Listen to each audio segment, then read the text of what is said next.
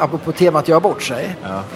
Eh, då var Anna Kinberg Batra partiledare Ja, för Moderaterna. det. Var den här Stockholms... eh, Nej, det här var en debatt eh, för bara några år sedan. Ja.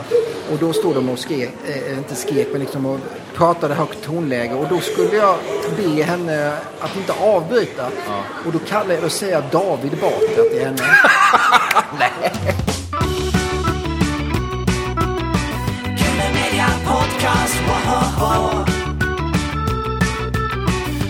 Media Podcast! Välkommen eh, Mats Knutsson till Grunden Media Podcast med mig Carl Magnus Eriksson och Och med Erik Jensen.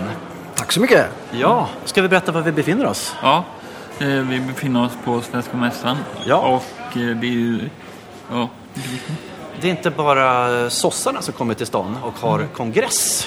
Utan även eh, deras, eh, ska jag säga, en av deras trognaste bevakare får man säga. Absolut. Jag tror att jag bevakade, eller inte jag tror, jag vet, eh, den första eh, socialdemokratiska partikongressen i Göteborg 1993. Då var det, ska jag säga, borgerlig regering. Det var borgerlig regering och de var i opposition. kanske. Ingvar Ja. Carlsson var partiledare och eh, här diskuterade man bland annat då full sysselsättning var en stor stridsfråga på den kongressen. Just det. Ja. Det är det fortfarande, men den Ja, men, med annat men, också. men vi är längre ifrån det idag tror jag vi var då. Ja, det finns lite att jobba med. Det Ja. finns eh, för Magdalena här då som... Ja, henne har jag inte Eh, träffat ännu. nej. Stefan Löfven har jag redan Ja. intervjuat här på morgonen. Eh, men Magdalena Andersson tror jag är på väg hit. Ja, Det börjar ju senare under dagen här. det är alltså precis under den här, de här dagarna nu som det blir det här maktskiftet. Man säger då. Mm. Du har ju träffat Löfven. Kunde du se någon eh, så här, lite mer avslappnad eh, Ja, det tycker känsla? jag. Ja, ja, nu absolut. ljuset i tunneln liksom. Jo, men jag tycker han känns mer avslappnad och inte lika pressad utan att han ser ljuset i tunneln och imorgon då eh, ska ju Magdalena Andersson väljas som ny partiledare och sen kliver han ju av även som statsminister i planen. hur är det att Stefan Löfven att intervjua? Han är eh, ärligt talat eh, ganska svår att intervjua. För att han eh, är en person som vill ta så lite risker som möjligt känns det som. Så att han vill inte göra stora utspel eh, om man inte är liksom hundraprocentigt säker på att, att det blir så. Eller att, han- eh, Göran Persson är, som jag intervjuat många gånger också, han var lite motsatsen. Han testade grejer ofta när han gav intervjuer. Han kunde komma på något eh, och som han då levererade med stora rubriker och mycket kritik mot honom. Medan Löfven känns som motsatsen. Han är väldigt försiktig och är rädd att säga någonting som sticker ut. Och om man känner då under intervjun att han säger någonting som kanske är uppseendeväckande då, då är det inte sällan att han ser, i samma mening sen börjar liksom ta tillbaka, ta ner det lite grann. Doppar tån, men inte för mycket så att säga. Precis, Det- ja. Han har ju ett väldigt, eh, en stor, jag vill säga, två planhalvor att hålla sig väl med. Liksom. Så att, eh, det fattar man ju att det ska ju vara förankrat på alla håll. Eh, Vill du göra en presentation av dig själv i vår podcast? Ja, alltså jag heter Mats Knutsson, är inrikespolitisk kommentator på Rapport och Aktuellt. Eh, Jag har genom åren också varit programledare, jag har lett Agenda i flera säsonger. Jag har haft eh, gjort partiledarutfrågningar och, och valdebatter i flera val, riksdagsval. Eh, så att jag har jobbat med politik egentligen i hela mitt vuxna liv eh, och varit på ett, jag vet inte hur många partikongresser och partistämmor. Sen kommer jag från Blekinge, eh, från en småstad eh, och eh, flyttade därifrån till Stockholm på 80-talet. Läste statsvetenskap och, och sen började jag jobba på, på tidning i Stockholm innan jag sen kom till Sveriges Television 1996. Så det är 25 år sedan jag kom, har jobb, kom till Sveriges Television. Hur var det då? Var det sådär... Tänker så här, det här var ju KG Bergströms tid. Eh, Ja, det var inte bara KG Bergströms tid. Det var han? Olle Söderlund? Olle alltså. Ja, Söderlund, KG Bergström, Gunvor Hildén. det. Ehm, sen var det också Elisabeth Höglund. Ehm, så att det var, när man kom in där och var ganska ung så, Blev du väl omhändertagen? Absolut, men det var ju också en, en press kände man ju. För det här var ju människor som man själv hade växt upp med i tv-rutan. Och också en tid när alla tittade just på, på, på SVT också. Det är inte som idag när det finns hundratals tv-kanaler. Utan. Hur är stämningen på Svenska Mästaren just nu? Tycker du? Alltså just nu ska man ju se att det finns ju väldigt mycket förväntan när man går in i en partistämma eller parti- partikongress om det här bland de som är här. Det finns också lite nervositet och sådär för att eh, ibland så tappar ju partiledningar kontroll över den här typen av tillställningar och då bildas det någon typ av strömning som man går emot partiledningen som uppfattas Ja, som rätt eh, jobbigt. Så att den, det finns en både förväntan och en viss oro kan man säga när Okej. sådana här tillställningar drar igång. Nu tror inte jag det kommer att bli så den här gången för att när man väljer ny partiledare då blir ofta sakfrågorna mindre viktiga. För att väljer man en ny partiledare kan man inte samtidigt liksom dra ner byxorna på personen genom att säga nej till politiken. Utan med ny partiledare så är det oftast lugnare politiskt på en partikongress. Så jag tror det hade blivit jobbigare på den här partikongressen för partiledare om man inte hade haft ett partiledarval. Det hade nog varit mer kritik mot den, att den ekonomiska politiken inte är tillräckligt långt åt vänster. Eh, det tror jag det kommer bli betydligt mindre av nu. Sen har ju Magdalena Andersson också en sån stark ställning när det gäller ekonomisk politik så det är få i partiet som eh, tror jag tar strid med henne eh, på en partikongress. Men vi får se. Ja, jag tänker, de har ju aldrig varit så överens om eh, en partiledare. Det är ju kutym att alla som är tillfrågade skulle säga nej Mm. på sossar. Det verkar vara en gammal tradition att förhäv dig icke. Nej, och de, det är ju två som då inte har gjort det. Det är väl då eh, Mona Sahlin då nu och eh, Håkan Juholt. Och det gick ju inte särskilt bra för någon av dem. Nej, just det. Det har ju varit det flera gånger. Det har varit mycket de senaste valen, eh, alltså partiledare, så har det ju varit en konflikt mellan höger och vänster i partiet.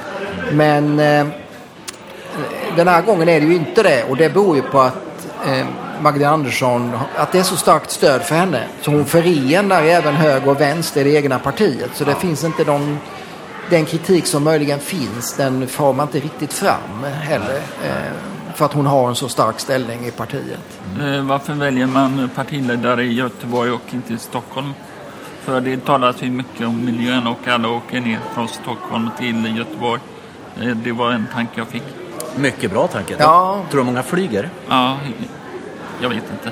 Nej, men jag alltså eh, för partier, alltså partier representerar ju hela landet och jag vet ju att det är viktigt för partierna att, att ha sina kongress och stämmor på olika platser.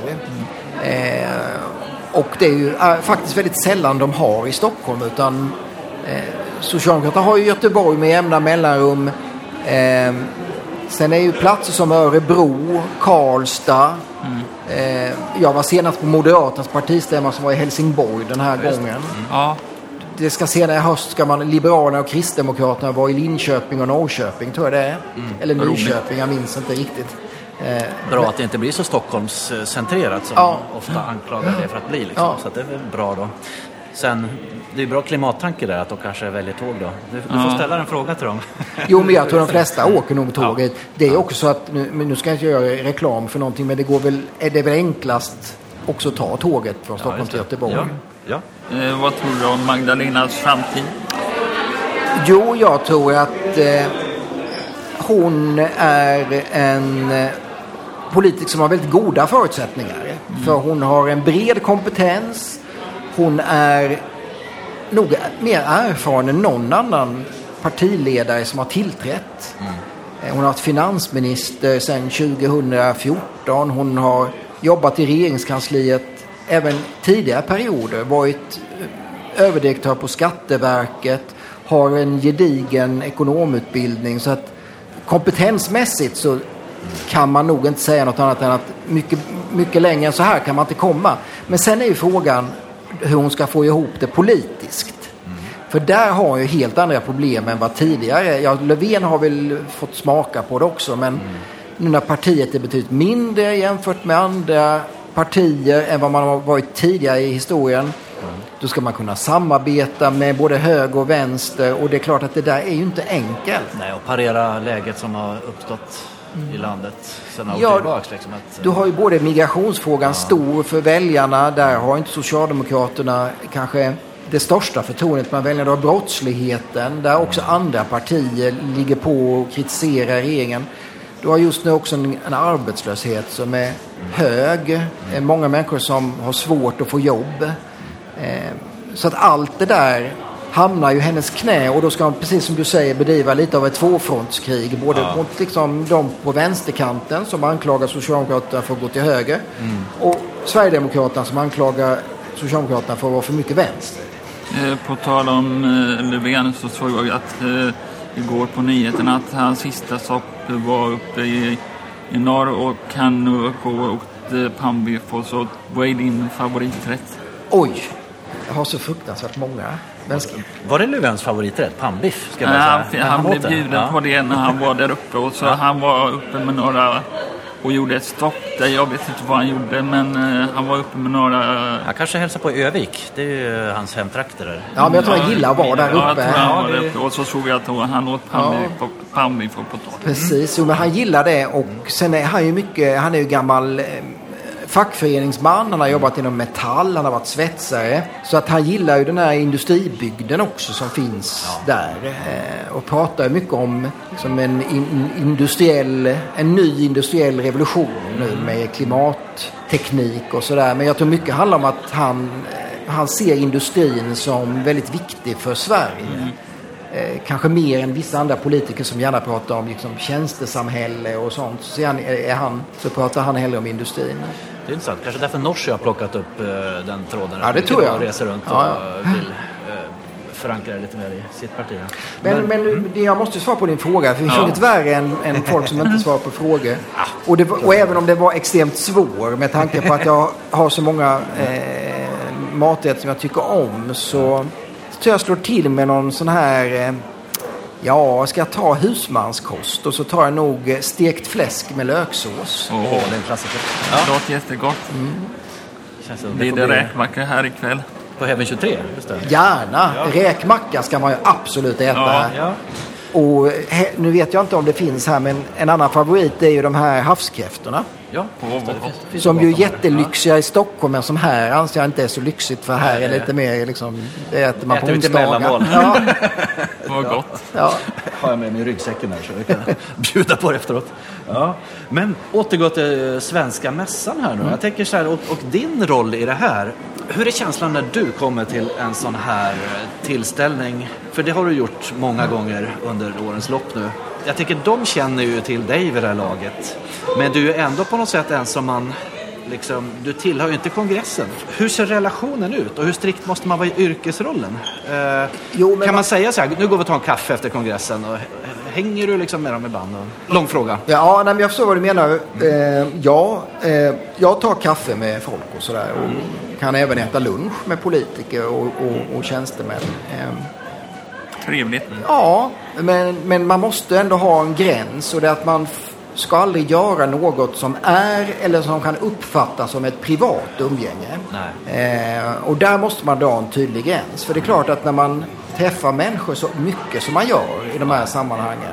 Framförallt då de som jobbar runt partiledarna och som kanske jobbar runt viktiga politiker så är den där gränsen jätteviktig. Eh, både och den är framförallt viktig för den som är journalist. Eh, De andra behöver inte bry sig om det. Alltså en, en, en politiker behöver inte tänka på sånt. Och, för de vill ju naturligtvis utnyttja en journalist, gärna, och gärna manipulera. Eh, och det måste man vara vaksam mot. Och ett sätt är ju då att vara, hålla en, en, en tydlig gräns i umgänget. Eh, eh, att inte då inlåta sig något, något som är privat och typ eh, umgås på middagar och sådär. Det, det har jag aldrig gjort och skulle aldrig kunna tänka mig att göra. Ja, just det. Ja, Du har ju den här politiska neutraliteten. Att, Ja, men det är ju någonting, utan den så är jag ingenting. Nej. Janne Josefsson, när vi intervjuade honom i september, då berättade han att folk ibland... Det blir inte så där, oj nu kommer Janne Josefsson, nu nu, måste, nu, nu flyr vi. det, det, det är en annan Jo. typ av journalistik, tänker jag. Jo, men det- det är eh, så att de Blir de flyr. obekväma liksom? Jo, men det är klart att eh, eh, när det är känsliga frågor så flyr de ju även när jag kommer. Sen ibland är det så att jag får fly när de kommer. Aha. Nej, men, eh, när de försöker sälja in någonting som man kanske tycker det där är ju inget att ha. Nej, det är det. propaganda eller Ja, ja, sådär. ja. Och då, eh, så att det, det, väl, det finns ju tillfällen när de flyr och tillfällen när jag flyr. Ja. När det är obekväma saker då vill inte någon vara med och när det är allt för bekväma saker vill inte jag vara med. Den där psykologin tycker jag är spännande. Alltså, har du, du måste ha lärt dig då att läsa av kroppsspråk och liksom när du känner politiker och så här. Jag vet, Göran Persson brukar dra i örsnibben lite när han skarvade sådär. Eh, har du allt med dig i bagaget, den där Ja, alltså, kännedomen liksom? Ja, alltså på något vis. Man märker ju ganska snabbt när människor är obekväma och när de inte vill svara på frågor. Ja.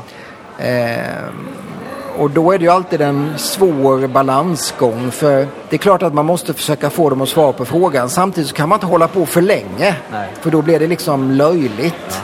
Ehm, men det viktiga är ju att tittare och lyssnare förstår att den här personen inte svarar och han vägrar eller hon vägrar svara. Och att man får det med sig. Att, att vi ändå har försökt få svar på frågan. Du var ju med i punkbandet De anhöriga och förband mot Ebba Grön. Vill du berätta om den tiden? Ja. Jo, men det var... Eh, jag kom ju åldersmässigt nog ganska väl i linje liksom med punkrörelsen. Ja. Eh, och eh, fastnade för eh, band som liksom The Clash och vad hette de? Eh, Sex Pistols. Eh, Ramones. Mm. Vad var det brittiskt amerikanskt punkt? Ja, fast jag gillade mest den brittiska. Jag hade ju ett, eh, ett favoritband, hette Generation X. Kom i samma liksom våg som, som Clash och, och, och, och Sex Pistols. Och, så jag var med för den, med den brittiska punken. Och då var det naturligt kanske att man... För i den vågen låg att man skulle kunna spela även om man inte var så bra på det. Ja. Så då satte vi igång ett band och började träna. Ja. Eh, Och första konserten tror jag, då hade vi bara tre låtar. För då hade vi inte hunnit träna ihop med fler. Tänj lite på dem bara. Men punklåtar brukar vara väldigt de, korta. ja, de var ju eh, tyvärr också väldigt korta. Men då när vi spelat de här tre låtarna, då, då ville de att vi skulle spela mer. Ah. Så då fick vi börja om och köra dem en gång till. För vi hade inte fler låtar. Men, Vi tände ut dem till två minuter. Så, här, så lite, ja. Men sen så körde vi, eh, vi var ju, det fanns ju en, jag bodde, eller jag gick i skolan på, i Karlshamn på den tiden. Och där fanns något som hette Rockslaget som var en, musik, en rockförening som ordnade konserter och sådär. Och de hade också replokaler där man, banden kunde träna. Så där var vi med och så spelade vi på de konserter som anordnades och en gång så var Ebba Grön där. ja. Och det var ju väldigt kul tyckte vi som fick vara förband. Vad roligt. Hur många år var det och eh, vad gjorde du i bandet? Jag var sångare och jag måste ha varit typ 17 år då. Ja. Vad har du tagit med dig från den tiden med i, i bagaget in i journalistiken? Finns det ett förhållningssätt liksom? Ja, alltså jag är ju en sån som gä- gärna är lite kärringen mot strömmen. Ja. Oavsett vem jag träffar. Ja. Så träffar jag någon som är övertygad, väldigt övertygad åt ena hållet. Då kan jag inte låta bli att retas med motståndarnas åsikter. Det är ju punk Och, nötskal. och träffar jag en som tycker raka motsatsen fem minuter senare då kan jag inte låta bli att retas. Liksom, lyfta alltså, besvärliga saker från den utgången. Så det kanske är ett, ett arv. Tycker att det är för lite punk i politiken idag? Tänker så här, mer rättframhet, som du säger. Verkligen, det är alldeles för välregisserat idag och planerat och eh, eller planerat, det är väl naturligt kanske. Men det är för välregisserat i den meningen att många politiker svarar inte på frågor längre utan de har sitt budskap, de har blivit tillsagda, säg det här, säg det här, men, men säg för guds skull inte det. Och när man intervjuar dem då så svarar de inte på frågorna. Eh, och det tror jag är något som människor, väljare eh, uppfattar som nästan ett hån. Ja. För att på något vis omyndigförklarar man då de som lyssnar och tittar som faktiskt ställer de här frågorna och undrar. Eh, och jag tror också att du kan bygga ett litet karriärtips för politikerna. Jag tror faktiskt det är bra för dem att svara på frågor och vara Lite obekväma sådär. Ja, jag menar titta på de politiker som faktiskt har gjort det. Du har, vi tar Göran Persson, Alf Svensson, Gudrun Schyman, ehm, ja, Carl Bildt också som faktiskt svarade på frågor. Ganska bra. Sen var de besvärliga på många andra sätt men de svarade ändå på frågorna. Ja, ja, men de sticker ut liksom. Ja. men det, det kan jag hålla med om. Jag kan uppleva att det är liksom väldigt mycket så här, välplanerad utspel. Och då blir det liksom regisserad marionetteater. Ja, liksom. och jag att tror det handlar mycket folk. om att eh, d- politik, eller ledande, både Löfven men också många andra idag, är så... Det handlar så mycket om riskminimering. Man vet att trampar man lite snett så blir det en storm. Eh, massa kritiker, sociala medier. Eh, och då är man, vill man, man vill inte gärna hamna i de kritikstormarna. Nej. Nej, man är väldigt utsatt kan Ja, jag tänka mig också ja. naturligtvis. För det är sårbart. Men eh, ska man tala musiktermer, det låter som att kanske mer av Toto än Ebba Grön. Precis, mer av Toto än Ebba Grön idag. Lyssnar du på punk fortfarande? Ja, det händer absolut. Eh, jag har ju barn så att jag har ju med åren fått höra på en massa andra eh, musiksorter. Men eh, allt från liksom schlager till gangsterrap och, eh, och det tycker jag är riktigt dåligt. Framförallt gangsterrap. Eh, har du frågat vad Stefan Löfven lyssnar på för musik? Nej, det har jag faktiskt inte gjort. Eh, Vad tror du han lyssnar på? jag vet Ja. inte.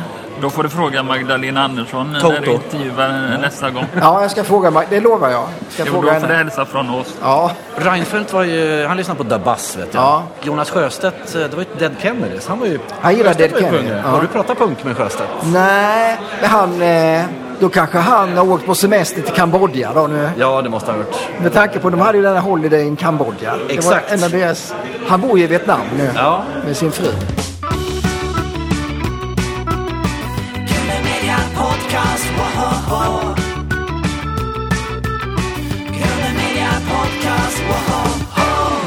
Hur ser en vanlig vecka ut för dig? Är du ofta ute på fältet och gör reportage? Ibland vet jag vad jag har på agendan, typ nu när det är en socialdemokratisk partikongress. Men jag är mycket liksom en, ett offer för händelser kan man säga. Eller ett, ett subjekt för olika händelser som jag måste reagera på. Kommer det en politisk nyhet eller om vi har en politisk nyhet så måste jag vara med och jobba och liksom på något vis ja, vi göra den del, ge bakgrund, analys och ibland hjälpa till med intervjuer och sådär. Jag jobbar ofta på kvällen eh, mot sändningar, både Rapport och Aktuellt. Det låter som du är ständig jour nästan. Ja, men det, jag, det jag Ja. är ständig jour kan man säga. Hur hanterar man det? Känns det så här, man måste ju på något sätt ändå då brinna för det liksom, så man inte känner att man brinner upp. Eller ska säga. Ja, Nej, men jag tror det är väldigt viktigt att ta mik liksom mikroledigheter Ja, ja. Och, och kunna koppla av när man gör det.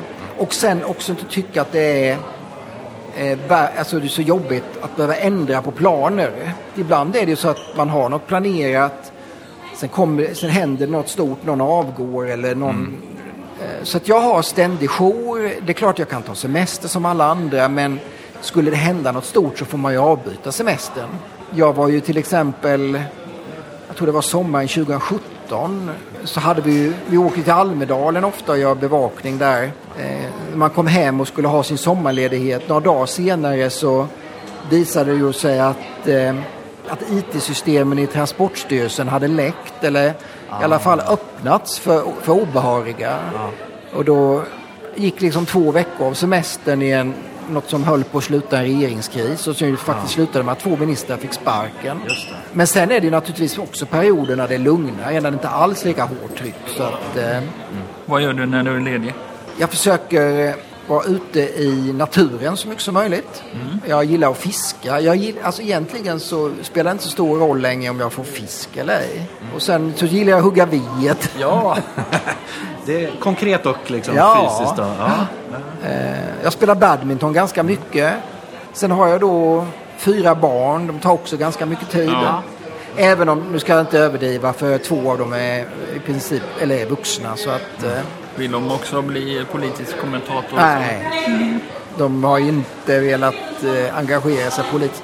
Vi får se. Vi har ju några, jag har ju en som bara är 15 och han, man vet ju inte vad den, han tar vägen. Men jag tror inte han blir politiker heller. Musik kanske?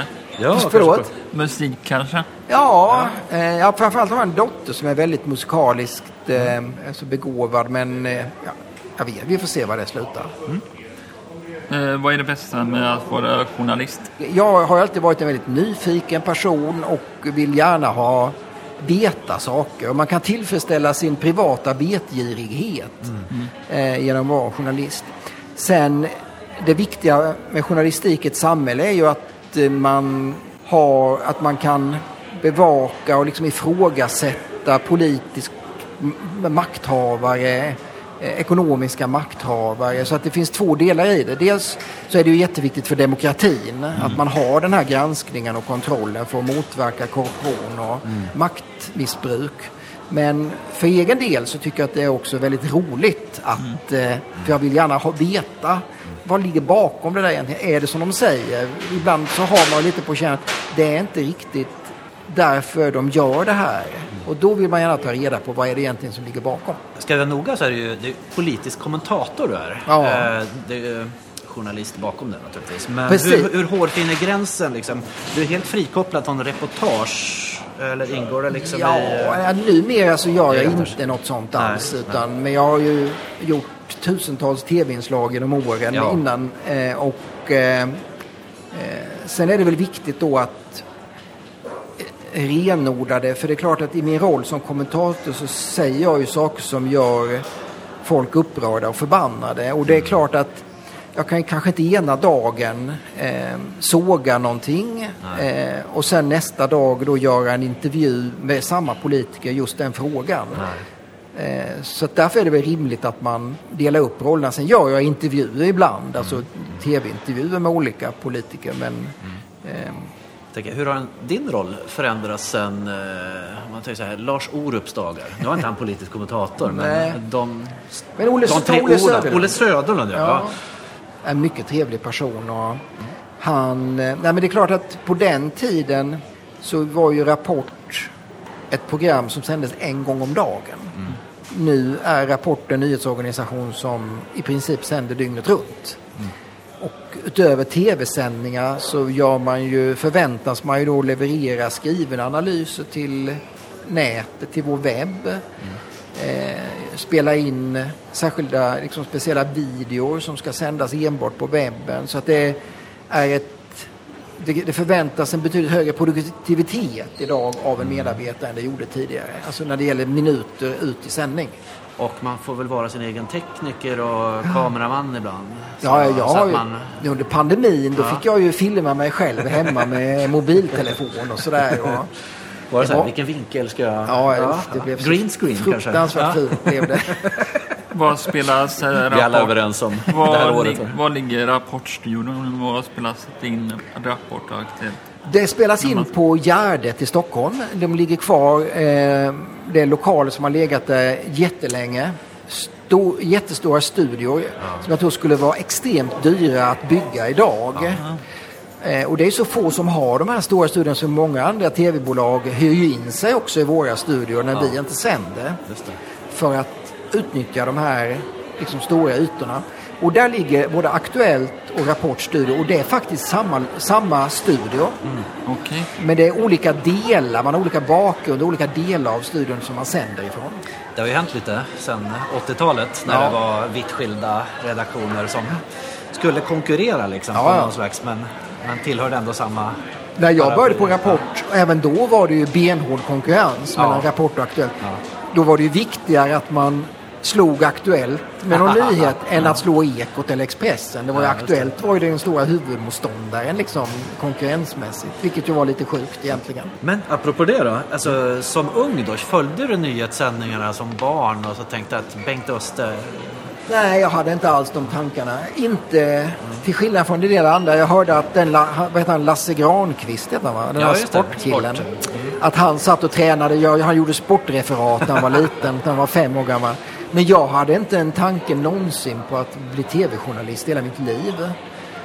Utan jag var en skrivande person. Jag ville skriva. Ah, Jag eh, såg journalistik som ett skrivet medium. Så jag började på tidning, jobbade på tidning. Eh, och tänkte att det skulle jag nog fortsätta med. Ända tills då jag hamnade på tv. Så du skrev eh, liksom, eh, journalistik, liksom, skrivande? Eller var det Ja, även, alltså, jag eh, hade- fiction? Liksom? Nej, alltså jag skrev lite allt möjligt. Bland annat så skrev jag en medlemstidning i en akvarieförening som Oho, så- ung. ja. och då talar vi kanske om, man gick väl i sjuan eller åttan någonting eller något sånt Allt om guppis och... Ja, så här, och olika vad kul. cyklider och... Eh, vilka förebilder har du inom eh, journalistiken? En förebild, måste jag säga, det är ju naturligtvis KG Bergström. Ja, KGB. Precis. Och, och framförallt för hans integritet. Ja. Att vara väldigt tydlig med hur man eh, drar gränsen mot dem man bevakar för att bevara en integritet. ja. Så det är nog den stora förebilden. Har ni mycket kontakt fortfarande? Tar en fika och... Ja, vi träffas och ibland. Kollar liksom Ja. de senaste reportagen? eller Så här, eller pratar metodik? Eller? Nej, jag tror när vi pratar mest, vi skvallrar nog mest när vi ses. eh, men vi träffas ibland fortfarande. Ja. Ja. Vilken var din första reportage? Kommer du ihåg det? Det måste ha varit när jag var, gick på gymnasiet och då hade man prao. Och då fick jag en praoplats på en tidning som heter Karlshamns Allehanda. Och eh, hade turen att ha en handledare där som eh, tog det på väldigt stort allvar. Jag fick testa semlor och göra ett reportage om ett sem- lokalt semmeltest. Jag eh, fick åka till någon camping och intervjua några tyska turister som var i stan. Jag eh, fick också tyvärr bevaka den kommunala fritidsnämnden vilket ju var en extrem utmaning eftersom jag knappt visste vad en kommunal fritidsnämnd var. Sen eh, när jag kom tillbaka på dagarna så skrev jag på maskin, då skrivmaskin. Och sen så gick jag in till den här farbrorn som sett- läste igenom allt och bockade för och rödmarkerade och förklarade vad som var rätt och fel och sådär. Vad fint alltså, att de tar sig tid och handleder. Liksom, där. Eh, jag ser framför mig den här lilla lokalredaktionen. Som, ja, eh, det var väldigt fin, ett gammalt trähus mitt inne i Karlshamn. Jag tänker så här, dina reportage idag då? Vad tänker du när du ser den unge Mats Knutssons reportage från 90-talet? Så här, Nej, men jag tror att det var nog en ganska bra skola ändå. Att, eh, alltså lokaljournalistik är ju något som engagerar människor väldigt mycket. Ja. Eh, man är väldigt nära de man både skriver för eller, och de man bevakar. Eh, man får ofta försvara det man har gjort. Eh, eftersom du möter människorna direkt utanför redaktionen. Det är inte som nu när nu, i och för sig sociala medier gör ju att man blir mycket tillgänglig även i den roll jag har nu. Men det är inte på samma fysiska sätt. Så jag tror ändå att det är en bra, bra skola och, och för den som vill göra en journalistkarriär att börja som eh, lokaltidning eller lokaljournalist. Finns det frågor du ångrar att du har ställt? Eller att du har varit för hård eller att du har varit för snäll? Alltså så där, oj, det där skulle jag ha gjort annorlunda. Av massor säkert. Ja. Herregud. Eh, Gjort är gjort, ska säga. Ja, men alltså man har ju, alla gör ju misstag. Eh, och jag har ju naturligtvis också gjort många misstag och ett jag minns det var ju, då var jag också lokaltidningsjournalist och eh, det var en rättstvist, en vårdnadstvist som, skulle, som vi bevakade. Som jag i efterhand inser att jag var alldeles för oerfaren och grön för egentligen ägna mig åt en sån fråga. Eh, och det är väl en sån sak som jag har ångrat. Att jag, men det ligger långt tillbaka i tiden. Eh, har du gjort bort dig någon gång i TV? många gånger. Ledande fråga. Många gånger. En gång, det här är också flera år sedan. Då satt jag i en kommentar och pratade om Vänsterpartiet. När jag egentligen menade Miljöpartiet. Och jag reagerade inte. Redaktören reagerade inte som satt i kontrollrummet. Programledaren reagerade inte. Ah. Och inte en enda tittare reagerade. Och nu har de den politiken. Så att de kanske... Och nu, sen nå- någon, någon månad senare så träffade jag, om det var Miljöpartiets partisekreterare, sa du den där gången när du satt där, pratade du verkligen om oss då? det kom fram långt Nej, senare. så- Liksom. Nej. ja, ja, Jag skulle testa er lite. jag sa fel. Så. Jaha. Ja, just det. Men jag tänker, du har ju ändå en maktposition där liksom. Ja, det, jag håller med dig. Man har en maktposition. Samtidigt så är den ju extremt transparent. Ja. Så att eh, skulle man utnyttja den för något liksom, ändamål så skulle det ju direkt synas och Ja. märkas. Ja. Det är ju väldigt många som är kritiska till det jag gör också och skriver kritiska artiklar och sådär med jämna mellanrum. Mm. Och, så att jag, jag får ju också min släng av sleven. Får du mycket eh, hotmejl och sådär? Så? Nej, inte mycket. En del är hot, Mm. eh, men mycket liksom eh, ovett och Ja. kritik och sådär. Och, och är den saklig, väl okej, men det är ju inte så ofta det är det. Utan numera är det mer och mer eh, liksom att man bara ogillar folk och sådär. Sen verkar det som att ju äldre man blir desto färre kommentarer får man på sitt utseende. Jaså? Eh, och det är ju skönt. Ja. Eller också ger folk upp som har skrivit genom åren och klagat på det, en det ena och en det andra. Du har ju testat tittarna vid något tillfälle när du- det var en allergichock minns jag. Eh, Det påstår jag inte var att göra bort sig. Det var ju Nej. bildproducenten som gjorde Ja. bort sig i så fall. Men, ja. men, eh, Ja, nej, det var, det var väl inte så lyckat. men folk har även klagat på ditt utseende. Ja, ja absolut. Men människor... Vad säger de då? Så här? Ja, men det har ju full... Ja, du Ja, anar inte, ja. Jag vill inte ta upp det Nej, här. nej, men vi- men eh, det finns ju alltid människor som, som retar sig på andra. Tyvärr. Ring P1 eh, Ja. Klagomålen. Liksom. Vem tror du blir Sveriges nya statsminister enligt dig? Jag tror det blir Magdalena Andersson. Hon blir partiledare förmodligen imorgon och sen så kommer det väl att bli en nya talmansrundor i riksdagen och sen säkert en hel del gnissel och en hel del politiska krav och lite hot och sådär om vi måste ha det uppfyllt, vi måste det uppfyllt. Men sen till slut tror jag att man kommer att släppa fram henne för att alternativet är en regeringskris och vi är så pass nära nästa ordinarie val och ingen vill ha det egentligen. Nej, nej. Ja, det kommer att bli. Hon kommer inte väljas eh, så lätt i statsminister utan de måste ta de här rundorna igen. Eh, Men det kan gå ja. fort. Ja. Det, eh, tittar vi på när Ingvar Carlsson avgick så gick det på en vecka allt. Ja, Då avgick Ingvar Carlsson på måndagen. Eh, framåt, och jag tror att talmannen då presenterade Göran Persson på, tis, på måndagskvällen. Sen var det två bordläggningsplenum, tisdag, onsdag och så valdes Persson på torsdagen och så var det konselj på fredagen och sen var den nya regeringen bildad. Ja, så så fort kan det gå. Ehm, en tanke här, jag ska backa lite där. Så här. Jag tänker neutraliteten. Har du fått bitar i tungan ibland för att inte säga för mycket? Eh, låt säga att du är liksom mitt i den här hetluftsdebatten i tv ibland. Runt omkring det så far projektilerna. Hur håller man sig liksom lugn och till ämnet? Eh, har du fått hålla tillbaks liksom? Nej, egentligen. Alltså, det är så kaosartat i de där situationerna så att eh, man, man är så oerhört koncentrerad eh, på att liksom, liksom, på något vis lösa situationen. Eh, folk som pratar i munnen på varandra, folk som avbryter varandra. Eh, ja, vid något sånt tillfälle, det var ju, det var ju eh, då, apropå temat göra bort sig. Ja. Eh, då var Anna Kinberg Batra partiledare Ja, för Moderaterna. det. Var den här Stockholms... eh, Nej, det här var en debatt eh, för bara några år sedan. Ja. Och då stod de och skrek, eh, inte skrek, men liksom och pratade högt tonläge. Och då skulle jag be henne att inte avbryta. Och då kallade jag och säga David Batra till henne. Nej. Men det fantastiska är att det var ingen som hörde det. Hon började skrika, jag såg i hennes ögon att hon var på väg att börja skratta. Och jag ändrade så Anna Kinberg Batra. Men det, men det var heller ingen som fattade det. Och det var ändå en partiledardebatt i Sveriges Television som säkert en miljon tittade på.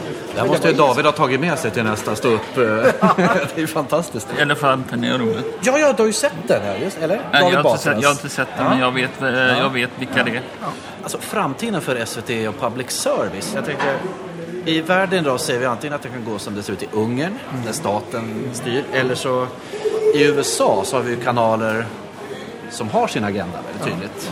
Varje parti har sin kanal. Ja. Eh, vad tror du om framtiden för public service? Ja, det är svårt att säga om, tror jag. Men eh, det är väl ändå så att i, i Västeuropa så finns det ju ändå tydliga exempel på, på länder som precis som Sverige försöker värna en fri oberoende journalistik. Eh, och eh, i den är ju public service viktigt. Och vi har ju Storbritannien till exempel där BBC fortfarande har en väldigt, väldigt eh, tongivande roll även om det finns många andra medieaktörer. medieaktörer. Och jag tror oavsett vem som vinner nästa val så tror jag inte public, service i grunden kommer att förändras. Det kommer möjligen att vara en del förändringar på marginalen men jag tror ingen är, kommer att gå in och i grunden förändra uppdraget. Eh, nu kan man ju inte säga, man vet ju inte hur, ett, alltså, hur valen slutar på lite längre sikt men, men nästa val kommer nog inte att ge något, något, något sånt utslag i alla fall. Eh, Så om man utgår från opinionsmätningar. Men däremot är det ju väldigt, alltså jag tillhör ju de som tycker att public service har en oerhört viktig roll. Och inte minst i en tid när, eh, när många mediebolag skär ner. Eh, när du har mycket mer sådana här bubblor, eller eh, filterbubblor eller vad man kallar det. Ja, just det. Jag har man- små eh, när man får- där det egna... de egna åsikterna bara bekräftas. Och, Ja, och det, det intressanta är att vår publik har ju faktiskt ökat nu under pandemin. Eh, Det är intressant det där, att Ja. det då ska vara den här... Jag tror vi är mitt i allt detta. Att vi någonstans skriker ef- efter något som förenar ändå. Jo, men vi har ju, när man, eh, när man mäter så, så går ju många, till, när det är stora kriser så väljer de ju oss mycket för att de tror att eh, det är sant. Eh, visst, man kan få nyheter från andra håll, från Facebook och sådana ställen. Men sen är man inte riktigt säker på att det är sant. Nej. Och då sätter man på nyheterna eller läser på, hos oss för att få liksom bekräftat vad är sant och vad är falskt. Ja. Hur laddar du när du ska leda en politisk eh, debatt i tv? Ja, hur... Nej, men det gäller väl att man försöker fokusera, vara ute mycket och alltså, frisk luft är jättebra. Alltså motion och sånt där så att man blir liksom pigg och... Men numera så gör jag ju sällan det utan numera gör jag ju, är jag ju i princip renodlad kommentator. Eh, det jag höll på med mycket tidigare i de här debatterna. När du går in i direktsändning, eh, är det svårt och hur gör man då? Så på tv som jag brukar se. Ja, alltså i början, de första åren är man väldigt nervös Ja. för att man ska säga fel. Eh, sen så är det, blir det ju ett normalt, vanligt jobb.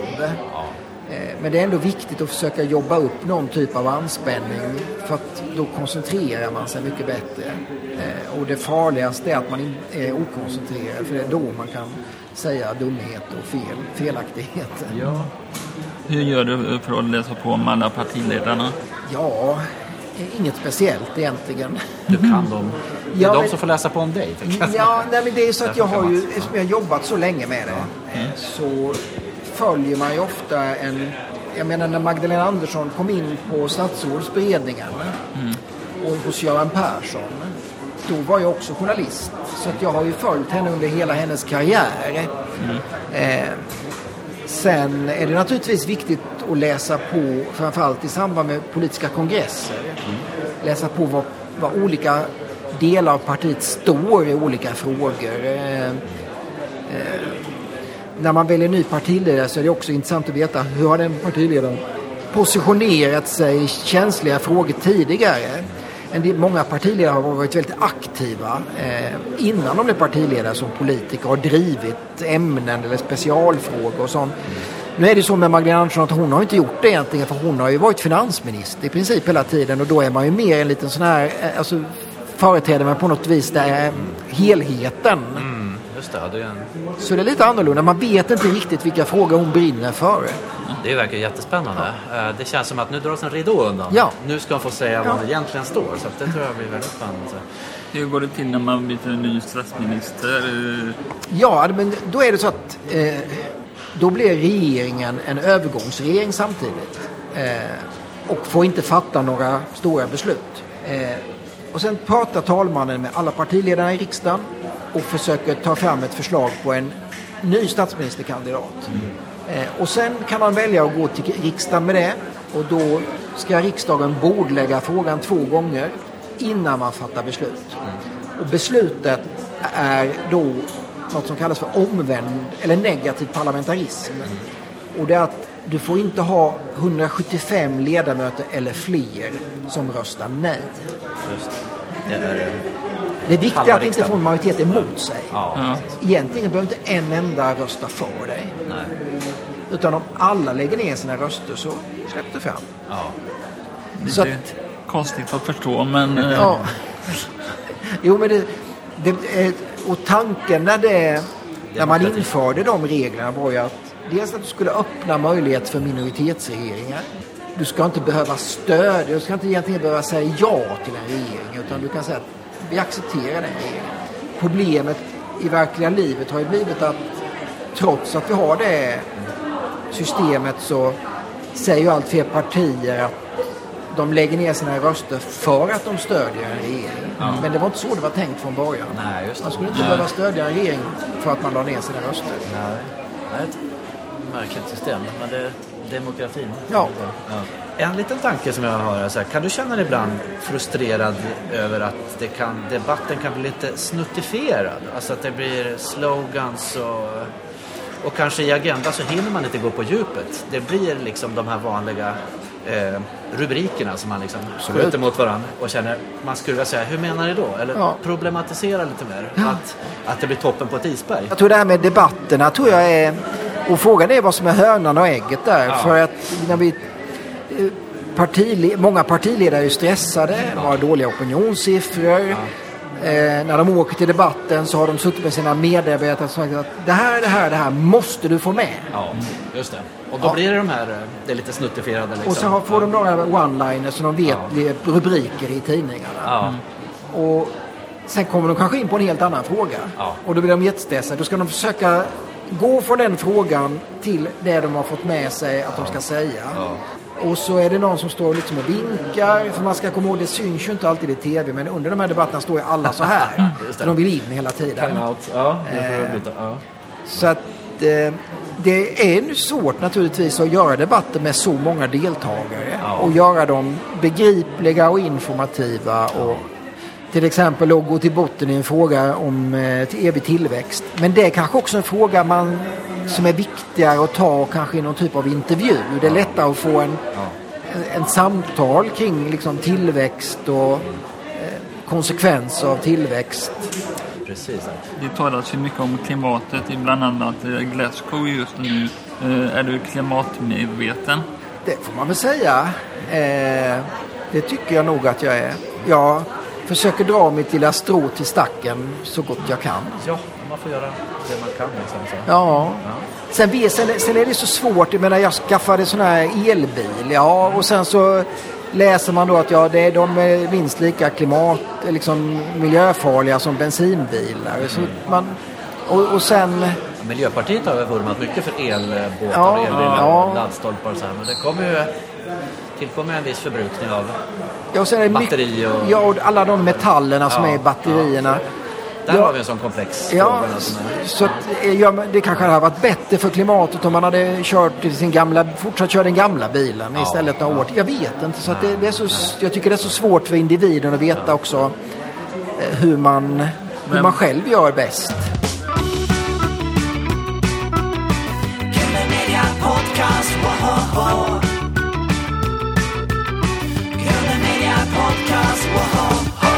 Vem är den trevligaste partiledaren att intervjua? I, Den trevligaste partiledaren? ja, Ja, ehm, Alf Svensson var ju väldigt trevlig som, som partiledare måste jag säga. Där snackar vi långtidsrutin liksom. Ja, om, om, men, om det är nutid. Nutid, ja vi, nu ska vi se. Eh, vad har vi då för några just nu som är trevliga? Ja men Löfven är, känns väl som en, en schysst person tycker jag. Eh, Småputtrig trevlig. kan man säga. ja, eh, Sjöstedt var ju också en, en, en, en, en, trevlig person. Eh, eh, vad heter han nu igen som blev ambassadör i Rom? Juholt? Nej, nej, Nej, inte Juholt utan eh, Jan Björklund var ju Ja. väldigt rolig. Ja. Som, han var ju, skämtade ju alltid och var väldigt så här rapp. Eh, Hur var Löfven att intervjua idag på en skala 1 till 10? Löfven? Ja. Ja, vad kan idag? Sex kanske? Ja. Vad pratar ni om? Vi pratade om eh, både, ja dels så summerade vi lite hans tid som partiledare och statsminister. Det, och han, frågade honom om om brottsligheten och vilka åtgärder regeringen hade gjort där, om det var tillräckligt. Vi pratade om väljarflykten. Eh, LO-medlemmar som röstar på Sverigedemokraterna idag istället för på Socialdemokraterna. Vi pratade om svårigheterna att få en ny statsminister på plats. Alltså eh, vilka krav Vänsterpartiet och Centerpartiet ställer och sådär. Så det var lite, ett litet smörgåsbord. Innan jag släpper en fråga med roliga partiledarintervjuer. Det finns ju, det finns ju ett par roliga klipp där på... Bildt var väl en fena på att fälla roliga one-liners. Jag tror Erik Fichtelius som får svaret God afton vackra reporter. Eh, Sånt kan ju bryta isen väldigt bra. Precis. Så att, eh, Sådana är ju inte partiledare längre. Nej, de är så försiktiga nu så att de, de... Jag minns ju, Carl Bildt hade ju också den dåliga vanan att tilltala journalister vid förnamn. Just det. Och det var ett sätt att förminska dem, liksom att få dem att framstå som en del i kotteriet runt honom. Ja, Mats, nu vet du lika bra som Ja. jag att... eh, Ja. Eh, där. Jag minns när han var med i Aktuellt någon gång. I någon, vi hade någon kritisk granskning av hans aktieinnehav i amerikansk försvarsindustri, tror jag det var. Ja, det. Inför att han blev utrikesminister igen 2006. Och då skulle Jarl Alfredius göra en intervju med honom. Och då sa Carl Bildt Jarl, det där har du fått om bakfoten. Och vad svarar Jarl på det? Jag Ja, han var en sån himla snäll och fin. Han var en oerhört trevlig person. Och, Ja, ja. ja. ja det, det är så här, han känns så levande fortfarande Ja, för mig. ja. Alltså det, och även Mats Hodell också var ju min favorit också. Apropå humor i... ja. Hur, hur ser Stefan Löfvens agenda ut för denna veckan? Ja, jag tror att han, ja, han ska ju då, eh, imorgon så väljs ju Magdalena Andersson som ny partiledare. Då eh, eh, kommer hon ju i praktiken att bli det. Och sen så avgår han som statsminister nästa vecka förmodligen. Jag tror han åker upp till Övik och fiskar. Tror du det? Och äta pannbiff. Ja, och äter pannbiff. Ja. Om du inte var journalist, vad skulle du jobba med då? Ja, vad skulle jag göra då? Ja, Slocka upp musiken jag tänker. ja eller eh, Ni borde, då borde ha stoff till Hugga betydligt fler än fler låtar. ja. jag skulle hugga ved från morgon till kväll. Ja, underbart. och fiska. Ja. Ja. ja, det låter ljuvligt. Ska du göra det när du är kongressen över här nu då? Ja, men problemet är att när kongressen är över då kommer ju förmodligen talmansrundorna att börja. Vad härligt. Ja, Då kan Alltså- du ringa mig. ja, då får du hoppa in. Ja, gärna. Jag tycker att vi intervjuade Jonas Sjöstedt. Han bjöd ju på bullar. Andreas Norlén var ju väldigt förtjust i Ja, han var tjust. träffarna med Sjöstedt. För det var mycket eh, hembakade bullar. Så, här, så. Han bakade väl själv, Sjöstedt Jajamän, också. han bakar själv. Så jag skulle nästan lobba för att du får vara med. Du som är så, är så ständigt ajour. Liksom. Det är du värd. Ja. Apropå ledighet du. Din fru Lottie är ju i resebranschen. Vi minns henne från eh, Tsunami. Ja. katastrofen hon klev fram och var som en trygg fura där minns jag. Ehm, jag kan tänka att ni måste ha påverkats mycket av detta också på något vis. Absolut. Ja. Eh, det gjorde vi och framförallt hon då som hamnade i hetluften på kanske ett sätt som ingen hade föreställt sig att man skulle Nej, kunna göra. Eh, men som, och som kanske delvis gjorde det också för att andra inte tog sitt ansvar i den stunden. Ja men det var ju känslan Ja. där att det var hon som satte ner foten. Och...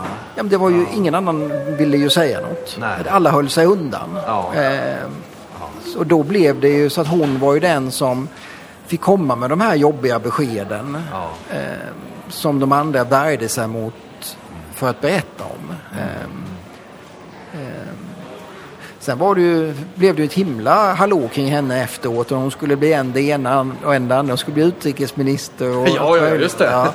Eh, Men sen ville hon, hon tyckte det var ganska jobbigt så att hon drog ju sig tillbaka från... Det hade varit svårt att vara politisk kommentator med en fru som utrikesminister tänker jag. Ja, det hade inte gått. Så att det var väl skönt att hon, var, att hon tackade nej till den karriären. ja. Apropå det då, vad åker ni helst på semester då? Har ni någon så här, hon som kan Ja, alltså nu har, ja, eh, vi har ju, och det är en fördel med pandemin är ju att man har ju upptäckt Sverige på ett helt annat sätt eh, än tidigare. Eh, och eh, vi har varit mycket i Skåne eh, under pandemin. Alltså fantastiskt trevligt. Det. Och eh, Sen när, jag, när det gäller liksom favoritresmål, vad är, alltså jag gillar ju alltid själv, jag gillar ju England. Och komma, alltså, nu är det länge sedan, på grund av pandemi och annat, som man har haft den möjligheten. Men jag tycker att komma till Storbritannien är alltid fantastiskt. Ja. Min kompis Johan har en fråga till dig. Ja, ska Ja. vi ta den? Vem hade vunnit i TP av dig och Stefan Löfven? Ja, jag tror Stefan Löfven hade vunnit. Det är så? Ja. Vilken skulle vara din favoritkategori? Historia. Det är historia. Mm. Eh, vad är du mest stolt över? Ja, det är inget, menar du med jobbet eller? Vi är nog mer också allmänt så här. Ja, men i jag, tilllivet. Nej, mest stolt är jag nog över att jag har lyckats producera fyra barn. Ja. ja. Och, och det är inte bara stolt utan också nöjd för det där. Ja. Det spelar ingen roll hur gamla de blir utan de är, och nu har jag fått barnbarn också. så Åh, att, eh, ja, Ja. Så att det är nog det jag är. Vad säger de när de säger pappa på tv då? Barnbarnen? De kanske är för små. Nej, men de känner igen. Alltså, du ska med komma ihåg att det här barnbarnet är lite skeptisk till sin farfar. Är det så? Ja, en flintskallig gubbe kanske inte det roligaste att se. ah, just det. Man får filma från rätt vinklar då. På... Den här tiden har ju gått jättefort. Ja. Eh, det är intressant här. Medan, bakom ryggen på dig så har liksom allt från Peter Hultqvist till Annika Strandhäll passerat. Så om jag har verkat lite disträ så här, så här oj. Regeringen sagt om att komma hit. Ja, precis. Ja, ja. Välkomna. Liksom. Ehm, men vi, vi ska snart släppa iväg dig på kongressen här. Ehm, Jag följer gärna med dig Mats. kan Mats gå i god för att du är en hyvens kille? Det är du ju, Carl Magnus. Det är jag. Ja. Problemet är att jag tror inte det räcker i de här säkerhetskontrollerna. Två stjärnreportrar på samma...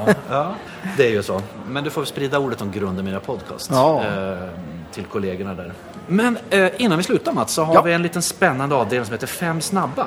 Eh, Nu kommer vi till det snuttifierade då. Ja. Men, men till skillnad mot debattprogram så, här så får man brodera ut hur mycket man vill, tänker vi. Mm, Ehm, så vi kör Fem snabba med Mats Knutsson. Är du beredd? Jag är beredd. Eh, kaffe eller te? Kaffe. Eh, vinyl eller Spotify? Eh, ja, alltså egentligen skulle jag vilja säga vinyl. Jag tillhörde de som var väldigt kritiska en gång i tiden till? CD-skivan. Ja. Jag var vinylens eh, försvarare in i döden. Men sen lät jag en... När jag bodde trångt och under mina första år i Stockholm så lät jag någon andrahandsaffär komma och hämta hela min LP-samling. Aj, aj, aj. Fick 50 kronor så nu har jag bara Spotify. ja, det blir lite, lite mer ut, utrymme. Men här, doften av vinyl. Ja, det London det calling. Liksom. The Clash på vinyl. Det är så det ska vara. original eh, eh, LPn från första clashen med Asså. tryckfelen och allt det där. Det var så ja. pass. Ja, det Ja, så att det. det är mycket Ja. som har gått åt pipan. Förlåt, nu börjar jag prata om annat. Man får göra det. Nej, lite besvikna blir jag, men det, Ja. de måste De finnas där ute någonstans. annat. Så att det, ja, det är helt okej. Mikrofon eller mygga? Mygga. Eh, rapport eller Aktuellt? Pass. Ja, jag kommer. Men du är både i det. Jag är både i Rapportaktuellt. Därför Ja, kan ja, jag Då får inte... man välja eh, båda. Helt okej. Blekinge eller Stockholm? Blekinge. Ebba Grön eller ABBA? Ebba Grön. ABBA släpper ju nytt på fredag tror jag. Ska Inte Ebba Grön. Nej. KG Bergström eller Elisabeth Marmorstein? Pass. ja, du får säga båda också. Sen. Båda säger jag ja, såklart. Båda. Ja, det är det vi komma Ja. Vi tycker du klarar dig väldigt bra här på den också, så du får full pott. Vad härligt. Ehm, sen är det ju så här, vi har fler gäster på gång. Mm. Vi ska intervjua Stefan Sauk. Om du fick ställa en följdfråga till Stefan Sauk, vad skulle du ställa för fråga till honom? Ingen aning. Kommer Socialdemokraterna att klara valet? Han har åsikter om saker vet Ja, som han har med det. politik att göra. Vad, han vad har gör han nu mer? Han läser ljudböcker. Alltså, jag. in ljudbok. Vill han läsa in Stefan Löfvens memoarer som ljudbok? Det ska bli spännande att höra. Ja. Men om vi skulle ha en politiker framöver, låt säga att vi skulle få tag i Stefan Löfven någon gång i framtiden, nu när han är ledig här. Om du skulle få ställa en följdfråga till Stefan Löfven på Grunden Media Podcasts eh, plattform, så att säga. Vad skulle Ja. det vara? Ehm, alltså, en fråga som, som naturligtvis är väldigt intressant men som är svårt att vara säker på om man får ett ärligt svar på. Det är ju, om man verkligen vill veta. Det är ju, han har ju, ingen annan statsminister i modern tid har ju varit i så mycket kriser som han har varit. Eh, och man undrar någonstans vad som var av allt detta. Liksom, när budgetar föll, flyktingkris, eh, pandemi, eh, Ja. skotten på Drottninggatan. Eller när han själv blev nedröstad i en misstroendeomröstning. Eh, vad var värst för hon? Vad var, upp, vad liksom, vad var det? Vad var det liksom? Du radade upp hela liksom, Ja, pärlbandet ställer där. Alltså, vilka tuffa fighter. Jag tänker han som metallbas och förhandlare. Det, Ja. det, har, det har nog varit en styrka i det läget. Ja. Alltså. En väldigt fin fråga. Och hos oss brukar man få väldigt ärliga svar. Så att vi får se om vi får tag i honom. Ja. Mats, det har varit så himla fint att få prata med dig här. Ehm, Vi hoppas du får en trevlig eh, vecka här nu i Göteborg. Jag hoppas du får njuta av lite fisk. Det eh, hoppas och jag skaldjur. också. Och Lite inte bara fisk. Ja, precis. Och även då fiska efter eh, svar från de berörda sossarna här då. I ja, kongressen. Tusen tack för att du ville ställa upp på en intervju. Och så mycket. sköt om dig. detsamma. Så ses vi kanske på SVT. veckan. Det gör vi säkert. Ja. Tack, tack. Tack. Ha det så gott. Tack och hej. Podcast!